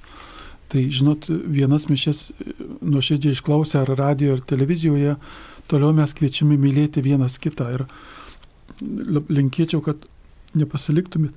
Vien tik tai prieš to pamaldumo daug mišių per dieną, bet galbūt net jeigu ir viena, viena gyvenate ar kaip nors, gal paimti ir paskambinti vienašam žmogui po, po šventų mišių pasikalbėti, nes, nes e, mišios kviečia mus mylėti kasdienybėje. Taip, dar turime vieną žinutę Taip atsiųsta, kaip atsirado išpažintis, juk Jėzus neliepė išpažinti, tik dalintis duona ir vynu jo atminimo ir nuoširdžiai ilgai atgailavus ir meldusis, kaip liepta užsidarius vienumoje su Dievu, negeriau būtų priimti komuniją, nei prie klausyklos paskubom pasakius kunigui, ką prisimenė ir sukalbėjus jo lieptą vieną poterį. Jūsų klausimas, kiek girdžiu iš klausimų, e, e, yra iš jūsų patirties. Aš asmeniškai ne dėl to, kad kunigas, bet kai, kai turiu labai gerų patirčių su išpažintimi, aš pats asmeniškai, kai einu, man yra brangi dovana. E, jeigu tai darau tikrai paviršutiniškai arba mechaniškai, tai tada galbūt prašyti malonės ir geriau pasiruošti. O šiaip tai istorija yra, e, bažnyčia nu, nustato, bet remiasi šventų rašto tekstais. Jėzus siūsdamas apaštalus sako, kam nuodėmės atleisti, ten bus atleistos, kam sulaikysit, sulaikytos. Ir tada kiekviena bažnytinė bendruomenė, mes katalikai, krikš... ją taip tokia forma nustato, bažnyčios istorijoje įvairių formų buvo, mūsų brolių protestantų ar, ar, ar pravoslavų, galbūt dar kit, pas pravoslavus panašiai kaip pas mus, bet tas, tas išpažinimas nuodėmių ir atleidimas, ir išpažintyje ne kad kunigas atleidžia, bet Dievas atleidžia, o išpažintyje teikiamas ženklas, sakramentas yra, kad tau tikrai atleista, yra, yra ženklas, žmonėms reikia ženklų. Tai neišsigalvojo pati bažnyčia išpažinti. Pačią formą, kaip atlikti bažnyčią, nustato ir mes vėl nuoširdžiai tikime tuo Dievo vedimu. Taip mums paskambino Ona iš Prienų. Taip, ponute, klauskite. Garbė Jėzui Kristui. Per amžius, amen. Pagarba jums Dievo malonės Marijos globos. Pirmiausia, man 85 metai. Sunkus ligonis, bet norėčiau prieš išeidama pas Dievulį ar Nu jau kur man Dievas paskirs, aš ant menkščio jau stoviu, opakus. Klausykit, man niekada niekas visi yra keturios Evangelijos pagal Matą, Morkų, Luką ir Joną. Dabar Jonas Krikštytojas reiškia, jis pakrikštino Jordano upei Kristų, da jis daug dirbo, daug apaštalavo, o paskui jį suraštavo. Suraštavo, uždarė į kalėjimą. O kada Kristus sužinojo, kad jis uždarytas, Kristus pasišalino į kitą miestą pirmas klausimas, kodėl Kristus jis darė daug stebuklų, kodėl jis jo neišlaisvino. Antras, kodėl leido nukirsti jam te, kokios eriodienės dukrai galvą, atneš dubeniko į užsigeidė. Ir kaip taip viskas įvyko. Paskui dabar daugiausia kalba, kad kryžiaus Jonas, kuriam pavedė Kristus nuo kryžiaus štai tavo motina, štai tavo sūnus. Ir Jonas kryžiaus parsivedė ją pas save ir gyveno Marija iki 72 metų. Aš norėčiau sužinoti, kodėl Jonui krikštytojui, kai buvo jis kalėjime, į Kristus neišvadavo ir neįsivedė kažkur, kad išgelbėt jam gyvybę. Taip, ačiū, ačiū, mėla Onutė, kad jūs štai domitės tokiais subtiliais klausimais nu, ir sulaukus tokio gražaus amžiaus. Ačiū kad klausotės Marijos radijo. Jau pirmiausia, Onutė yra, kad jūs kalbate apie tris Jonus, jie skirtingi asmenys. Jonas Krikštytojas, apie kurį jūs sakot, kad nukirto galvą, buvo prieš Jėzų, kaip, kaip tas pranešė Jėzaus ateimą.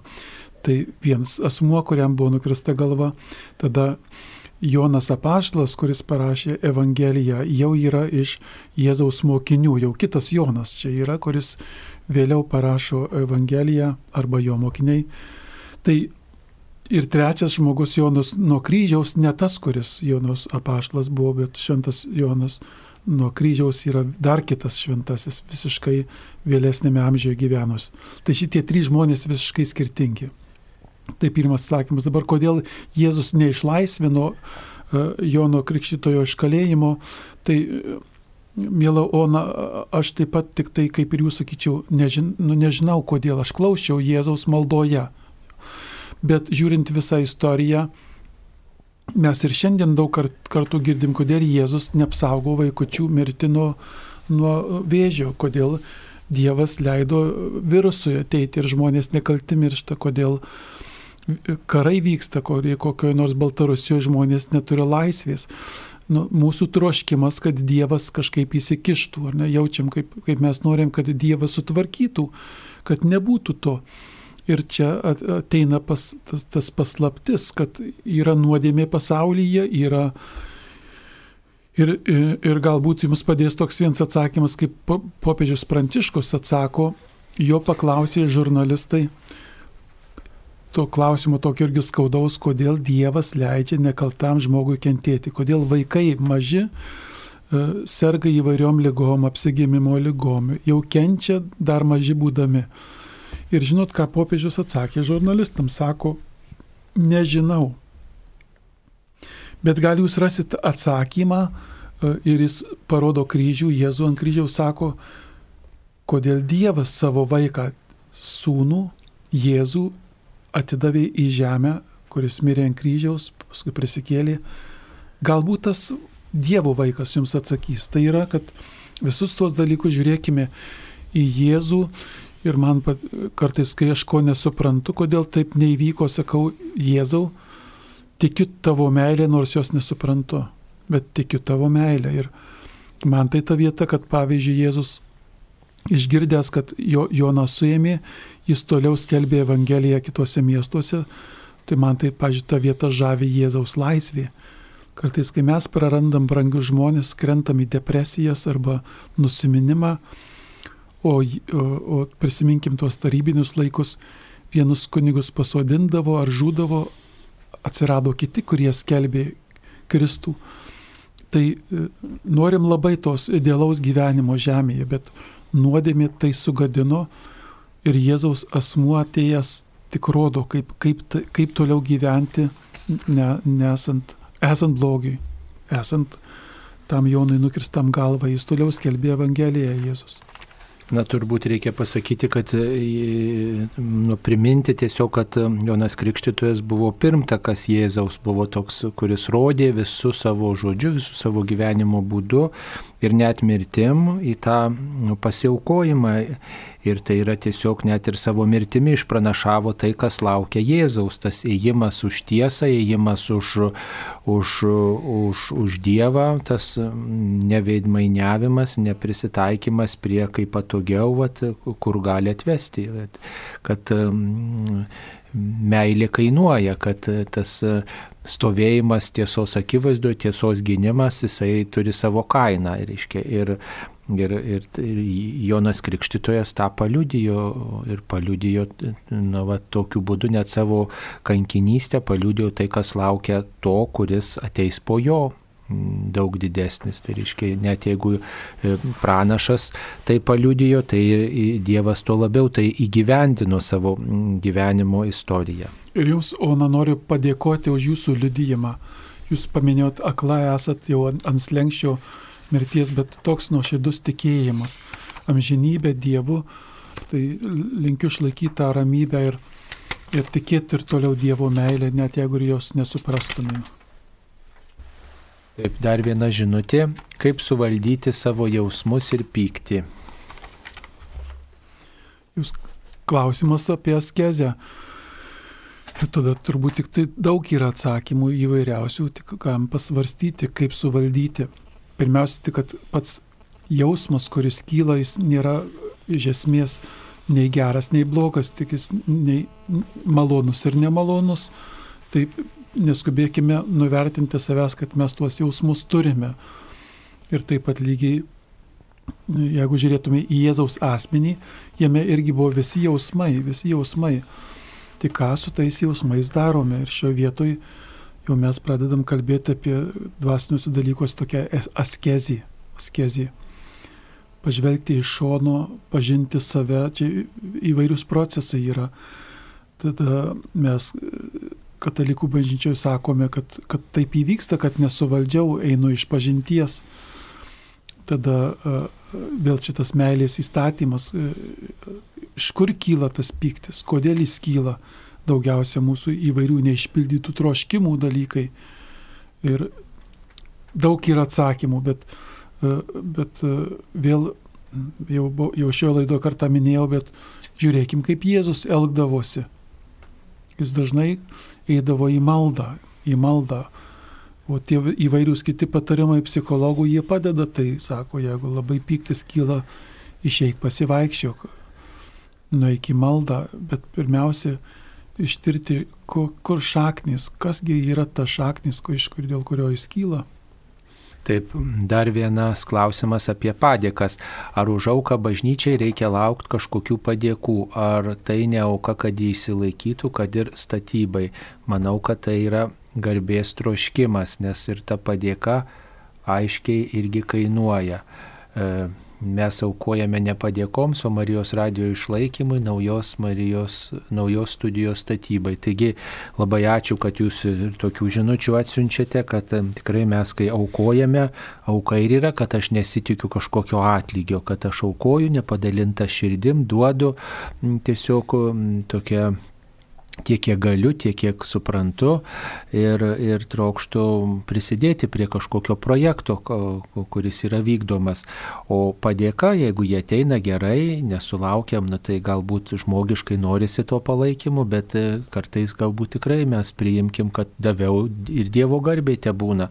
O mes savo ruoštų tikrai norim branginti tuos aukotojus, kurių dėka gyvuoja Marijos radijas ir kurių dėka e, jau štai pastatytas Marijos radijas radio pastatas jau ir pamažu įrenginėjamas, tai e, tikrai savotiškai norim branginti tuos žmonės, kurie, kurie prisideda tiesiog apribodami save ir tą kuklę padėką, atviruką ir, ir šiais metais ir medalikėlį išsiuntėm kiekvienam, kuris štai, na, vat, prisideda prie Marijos radio gyvavimo. Tai tikrai e, tai yra gana kukli padėka, bet kartu Dievas tegul atlygina kiekvienam, kuris e, yra mūsų aukotojas. E, taip, dar mm, viena žinutė. Nežinau, čia turbūt reikalauja išsamaus tokio paaiškinimo, kokia Jėzaus veikla žemėje. Nu, čia, čia keliais sakiniais turbūt sunku būtų mm, apibūdinti, ką Jėzus veikia žemėje. Mes Jėzui duodami įvairių vardų ir pats šventas raštas turbūt vienas iš, iš stipriausių tų dalykų, kurie, kurie mums sako, gal taip teologiškai skamba, atėjo, kad atpirktų žmonės, kad pasaulyje po tos pirmosios nuodėmės sugriauta tvarka buvo ir, ir, ir, ir, ir atėjo atstatyti tvarkos. Pats viešpats tapę žmogumi, žmogaus vardu, šventame rašte irgi minima ir liturgijoje, kad Jėzus antrasis Adomas, antrasis Adomas, pirmasis Adomas, per kurį atėjo nuodėmė ir antrasis Adomas Jėzus žmonių vardu atstato tai. Tai čia toks teologinis, o, o kita visa veikla, tai mes tada jau žiūrime ir bažnyčios istoriją, ir paties Jėzaus gyvenimą. Jis palikęs be galo daug palyginimų, jis kalba apie tai, kas, kas bus su, mum, su mumis po mirties. Jis kalba apie Dievo karalystę žemėje. Kad tas atpirkimas nėra tik tai toks vienas kažkoks techninis dalykas, bet apie meilę artimui, kad jau žemėje galim Dievo karalystę patirti. Jis pats tą moko daryti, kaip jis tai padarydavo.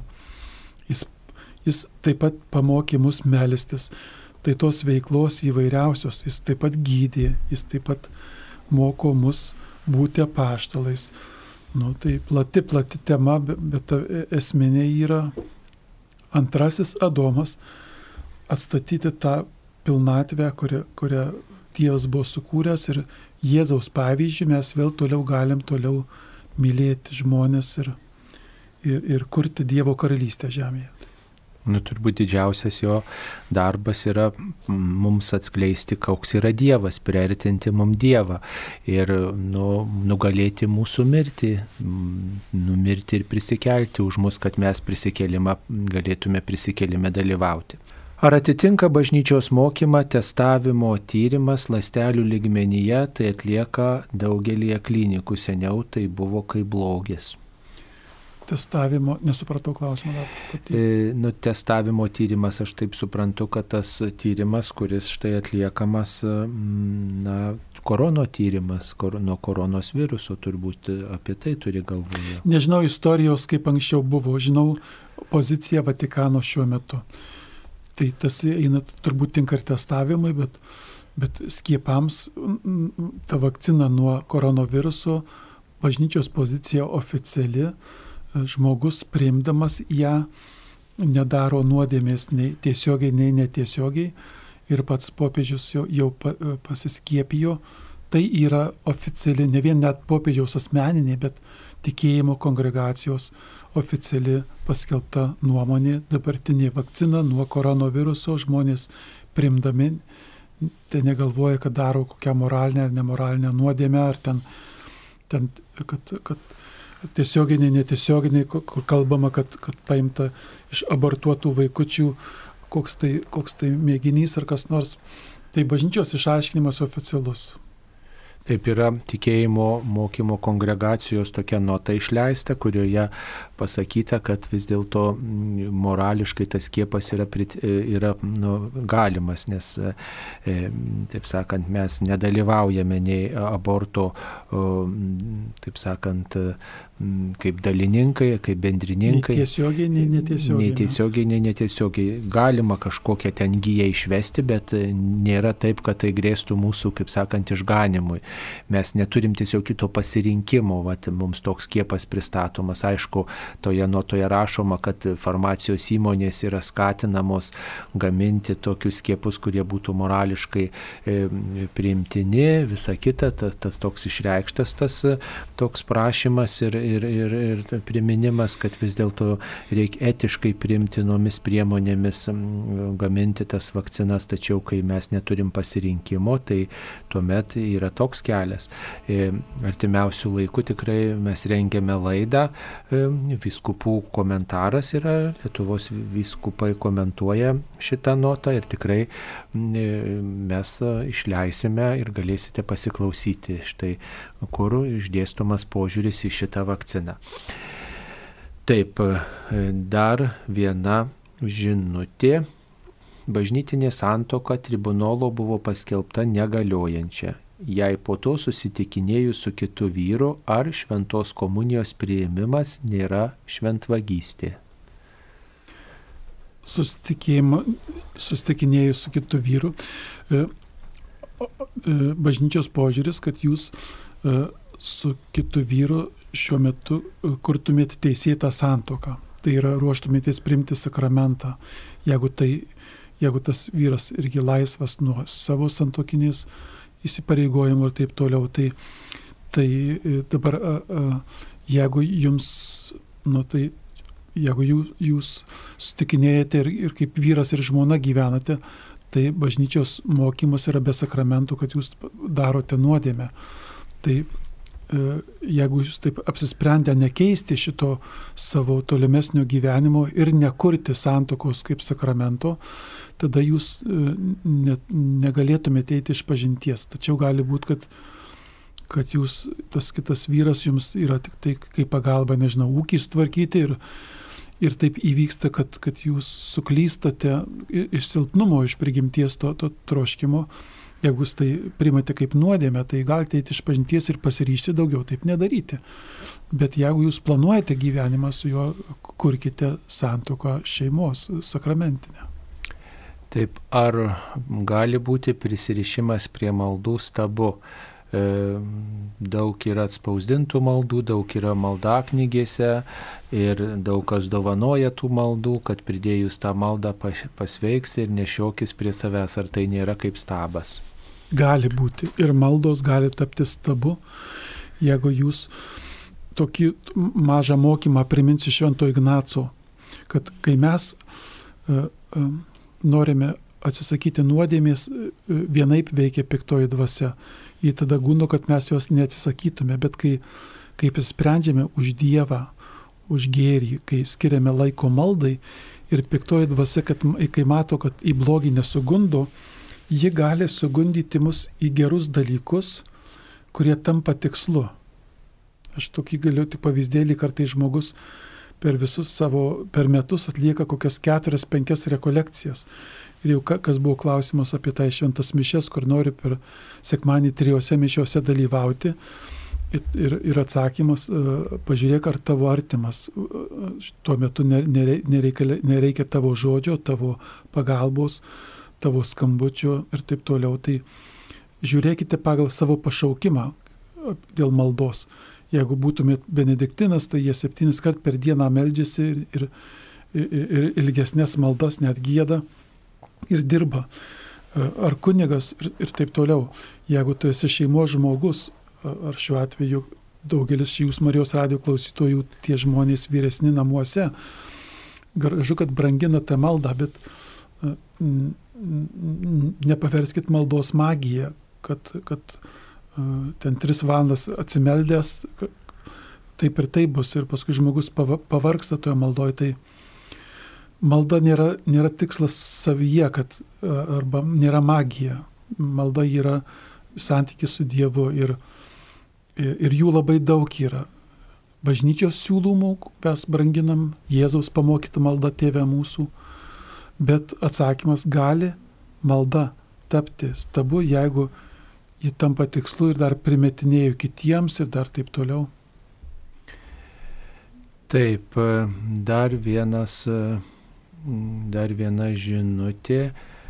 E, ką daryti, kai iškyla praeities, praeitie išpažintos nuodėmės? Pirmiausia, Dievo yra toksai vėl pagal Jėzaus mokymą, toks yra, yra, yra Dievo žvilgsnis į mūsų praeities nuodėmės. Mes jas išpažįstam, Dievas atleidžia mums nuodėmės ir, ir, ir jis jų mums ne, ne, nenori priminti. Dievas nori, kad mes prisimintume gėrį, kurį, kurį Dievas kūrė per, per tavo istoriją, per gyvenimą. Ką daryti, kai jos iškyla, galite iš naujo pasakyti Dievę atleisk, tačiau nekaltinkim savęs. Daug daug žmonių kaltina save. Atsiranda toks, tokia dvasinė lyga skrupulas, kad galbūt netaip išpažinau ir taip toliau. E, ir į savo praeitį lenkiu to švento rašto uh, tokiu uh, kvietimo žiūrėti, ieškokite savo praeitie Dievo karalystės, nenuodėmės. Yra prasminga atlikti viso gyvenimo išpažinti, bet ir po to palikti. Ir jeigu tiek, kiek atsimenat nuodėmės praeities, aš linkiu ją vėl paversti gailestingumo, atsiminti, kad Dievas jau atleido. Ir kad tą nuodėmę įvyko, leido Dievas įvykti, tai dabar paverskite gailestingumo švente. Nuolat prisiminkite Dievę, tu man atleidai, o ne baime ar kalties jausmu, ar, nes dažnai piktasis mėgsta mums priminti nuodėmės, kad atimtų gyvenimo džiaugsmą. Taip mums paskambino. Janina iš Zarasų rajono. Taip, Janina, klauskite. Garbėtai Kristai. Per amžius. Noriu paklausti, kad mačiau per televizorių kunigas laikė mišes ir šunų bažnyčiai daug buvo. Ir nugalvoju, amžių pragyvenau, nemačiau tokių čiūdų. Pasiau kunigas po mišių, saka, eismą iš šventoriaus šventint šunų.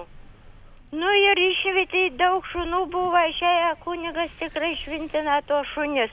Tai atrodo, kai žmonės vaikus kokius, bet kai šunis jau čia dabar švintina, tai gal kaip nugaiš reiks kunigą kviesti ir laidoti jie. Taip, supratome, supratome. Ne, tikrai, kai šuo nugaišta kunigo nereikia kviesti laidoti.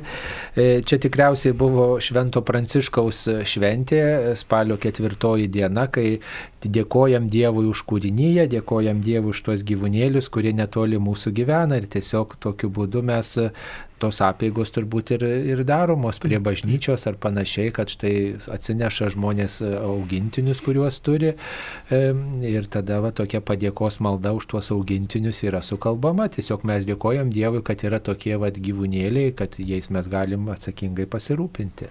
Daug dalykų, kuriuos mes turim kaip Dievo dovana, pažiūrėjau, automobiliai, kurie net negyvi, bet jie šventinami, nes jie saugo mūsų, mes su jais važiuojam, kartais gyvybės rizika yra arba kad laiminga būtų, taip lygiai tie augintiniai įvairūs, kuriuos laiko namuose, jie nėra tik tai iš kokio piktojo, ne, tai ir tuo labiau šitą tradiciją ateina šitą pranciškonišką, švento pranciškaus asižiečio, kuris sakė, branginkim Dievo kūrinyje. Ir, gražus, gražus dalykas šventinti. Visada šunelį geriau šventinti, laiminti negu keikti. Tai nereiškia, kad šuo bus šventas, tiesiog ta, ta malda yra kaip padėka Dievui už tą kūrinį. Tai nereiškia, kad dabar jau ta šuo kažkoks bus sakramentalija. Tai tiesiog padėka Dievui už, už tuos gyvūnėlius, kad Dievas juos davė, kad mes jais rūpinamės, kad jie praskaidrina mums gyvenimą vat, ir kad tiesiog įvertintume Dievo kūrinijos įvairovę. Tai ne tik turbūt šuneliai, bet e, visus kūrinius, kurie yra apie mus, mes priimame kaip ypatingą Dievo dovaną. Taip, dar e, e, viena tokia žinutė sakoma, kas turi Jono vardą, tam Dievas išpildo visus prašymus. E, aš tuo įsitikinau, kad Dievas nepadaro, kaip prašau, bet pagal savo valią, kaip geriau. Visada dėkoju, kaip bebūtų, ar tikrai Jono vardas ypatingas. Pirmą kartą girdžiu tokį pasakymą, aš tik tai linkėčiau, kad kiekvienas jūsų vardas, kiekvieno žmogaus Dievo akis yra ypatingas, kiekvienas žmogus ypatingas, kiekvienas šventasis ypatingas, ar Petras, ar Jonas, ar Antanas. Tai e, čia tik gal graž, gražus pasakymas, e, bet taip pat linkiu irgi ir, ir tuos šventuosius vėl nepaversti tokią magiją, kur, kad jau Jono vardą nešiosiu, tai būsiu išganytas. Ne, Dievas klaus ar mylėjai žmonės pirmiausia. Taip, Jono vardas, tarp kitko, reiškia Dievas yra maloningas, tai čia iš Jono krikštitojo istorijos, bet e, kartu kiekvienas vardas reiškia kažkokią gerą žinę. Svarbiausia, kad tikrai mes laikytumės krikščioniško, e, krikščioniško mokymo, gyventume taip, kaip viešpats Jėzus Kristus moko. E, dar vienas e, klausimas. Daugiau noriu sužinoti apie savo vardo globėją Šventąją Angelę. E, kiek teko girdėti, istorijoje buvo kelios švent angelės, kurios tapo šventosiomis. Viena yra šventoji Angelė Meriči, kuri gyveno 15 amžiuje, gimė apie 1470 metus ir buvo pranciškonų tretininkė ir kuri rūpinosi mergaitėmis ir mokė jas gailestingosios atjaučiančios meilės ir įkūrė šventosios uršulės kongregaciją, kad neturtingas merginas mokytų krikščioniško gyvenimo ir jinai mirė XVI amžiuje. Taip pat dar yra tokia kita angelė iš Folinjo, tai yra Italijoje gyvenusi šventoji, kuri mirė 1309 amžiais. Na, 1309 metais mirė, 14 e, amžiuje taip pat gyveno, e, šiek tiek anksčiau negu anksčiau minėta šventoji Angelė ir ji jaunystėje mėgo tokį, tokią tuštybę, prašmatnumus, puošnumus va, ir patyrė tam tikrą atsivertimą sulaukus beveik 37 metų ir neteko savo šeimos, mirė jie ir kartu turėjo tokių mistinių patirčių, atliko viso gyvenimo išpažinti ir atsisakė prašmatnaus gyvenimo būdo, pasišventė atgailai e, ir rūpinosi, e, rūpinosi vargšams ir taip pat buvo įstojusi į pranciškonų ordiną ir davė vienuoliškus įžadus ir vyko į piligriminę kelionę e, ir buvo pasišventusi tarnauti patiems mažiausiams, patiems silpniausiems žmonėms. Štai tokia istorija yra apie e, šventasias angelės, šventoji angelė. Taigi kelios moterys buvo, kurios turėjo tokį vardą. Ir dar panaš, galbūt panašus klausimas, Jėzus pasirenka mažuosius, kad sugėdintų šio pasaulio didžiūnus. Ką Jėzus norėjo tuo pasakyti? Mes matome, kad pirmose eilėse bažnyčiose visada sėdė aukštieji pareigūnai. Tai ką Jėzus norėjo pasakyti, jis pats tapo tokiu mažiausiu, jis netėjo kaip, kaip, kaip pasaulio akimis kažkoks tai tas galingas. E, šiais laikais jaunimui turbūt patiktų toks e, holivudinis Jėzus, kur sutvarko kaip, kaip koks kaip žmogus voras ar kaip nors viską apsaugo ir taip toliau. Tai pats Jėzus savo būdu parodė, kas yra tas mažutėlis, kad uh, ateina paprastų būdų pa žmogų, jis nori paprasto santykio.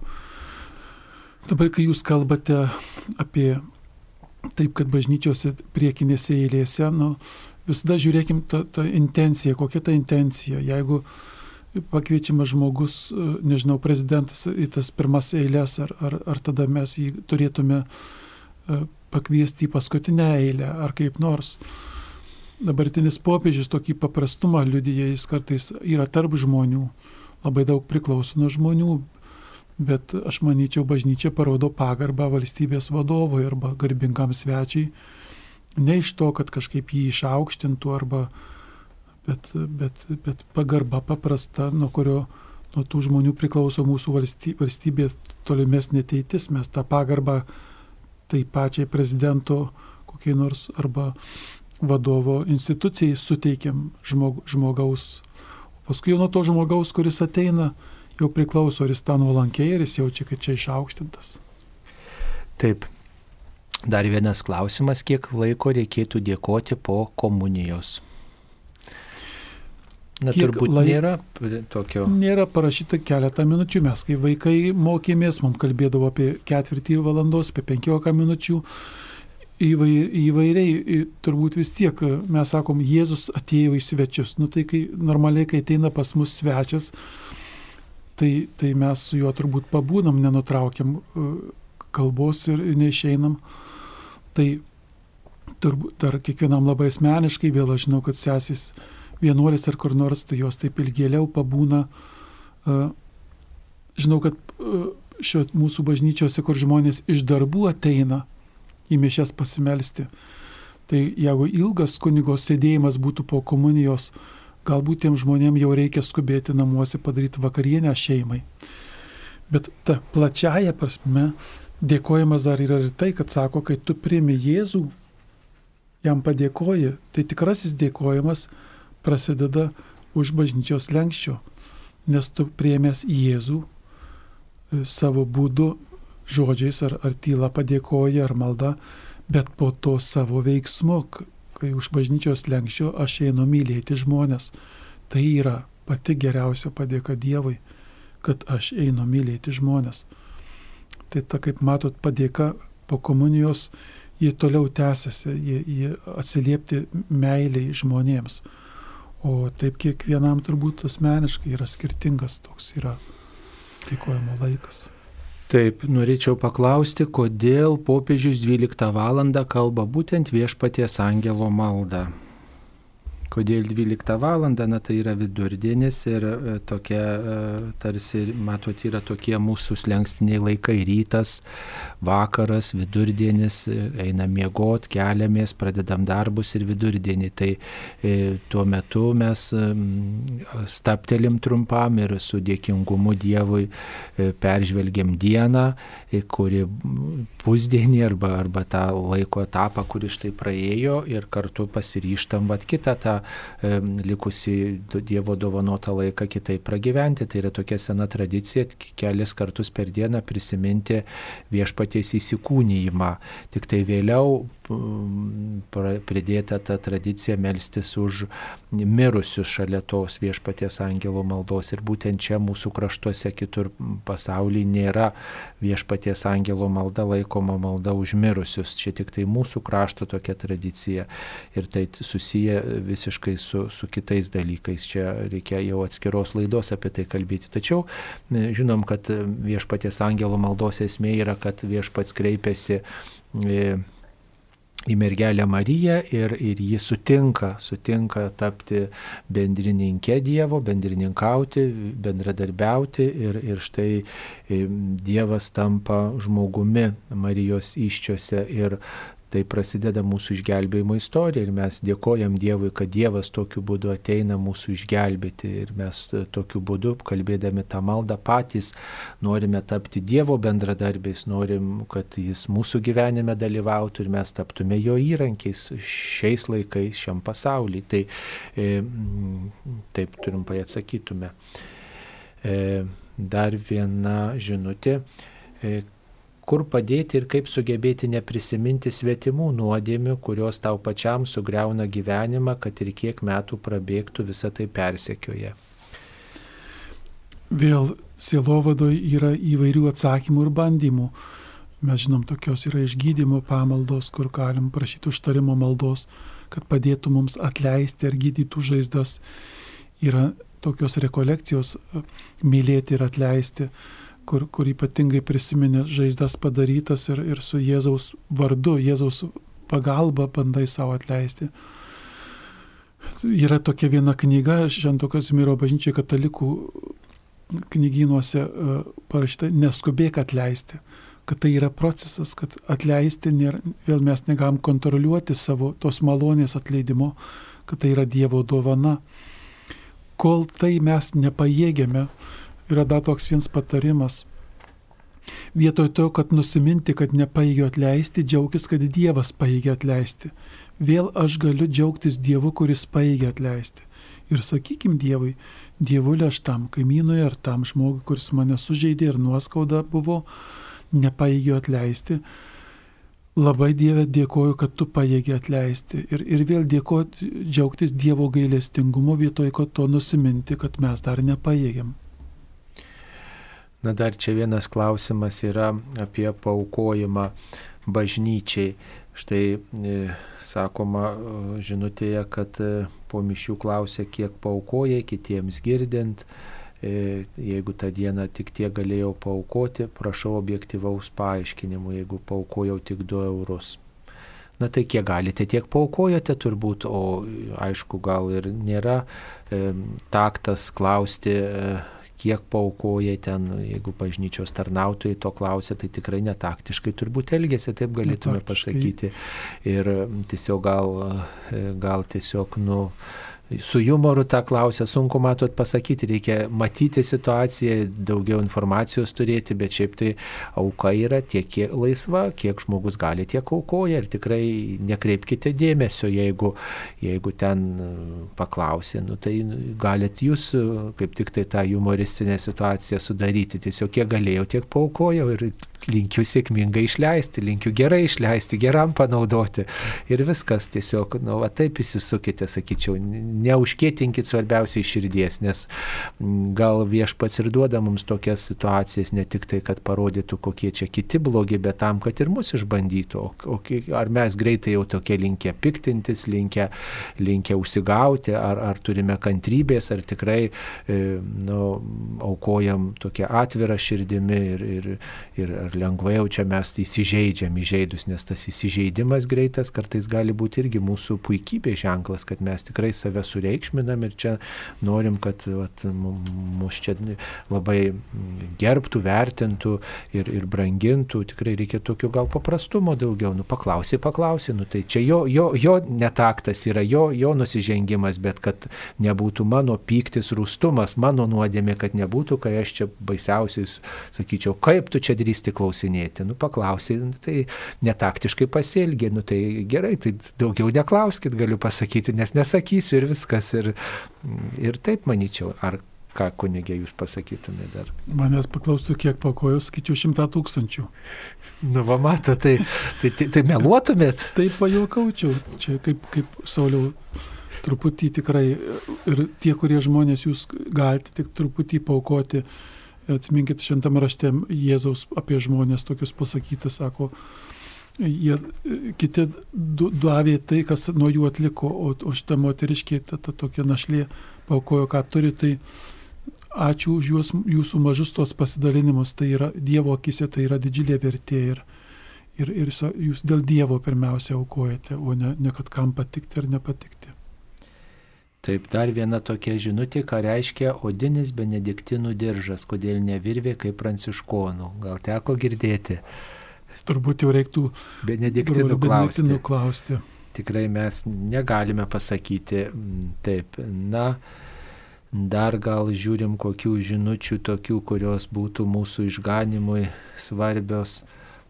Taip, Ai, štai dar viena tokia žinutė, kunigas medžiotojų burelis pastatė kryžių kalne. E, kryžių, vyko visa ceremonija, kunigas kryžių pašventino ir meldėsi už medžiotojus. Kodėl tai vyksta? Nu, tai... O tai ką, medžiotojams nereikia Dievo palaimos, nereikia, nereikia juk medžiotojai nėra vien tik tai, kurie, kurie brakonieriai išaudo neteisėtai žmonės. Medžiotojai atlieka kartais šventą pareigą, kartais Nes, nes kartais ta mūsų gyvūnyje, kad apsaugoti žmonės, kad apsaugoti šiuo metu, pavyzdžiui, tų vilkų daugiau reikia nušauti, nes, nes žmonės tai medžiotojo irgi yra profesija, ne vien tik tai jungkime medžiotojo mintį su brakonieriumi arba naikina gamtą ir jiem reikia Dievo palaimos. Taip Dievo palaimos reikia visiems žmonėms, net ir tiems, kurie, sakykime, mūsų elgesiu, mūsų požiūriu blogai elgesi. Mm, tiesiog, kad Dievas galbūt į gerą kreiptų netinkamai besielgiančių žmonių žingsnius. Taigi svarbiausia, kad mes nepasiduotume teisimui, smerkimui ir galvotume, o kur, kaip mes galime vis dėlto keisti savo gyvenimą ir gerą linkėtume visiems. Taigi tiek suspėjome atsakyti šioje laidoje į jūsų atsiustus klausimus.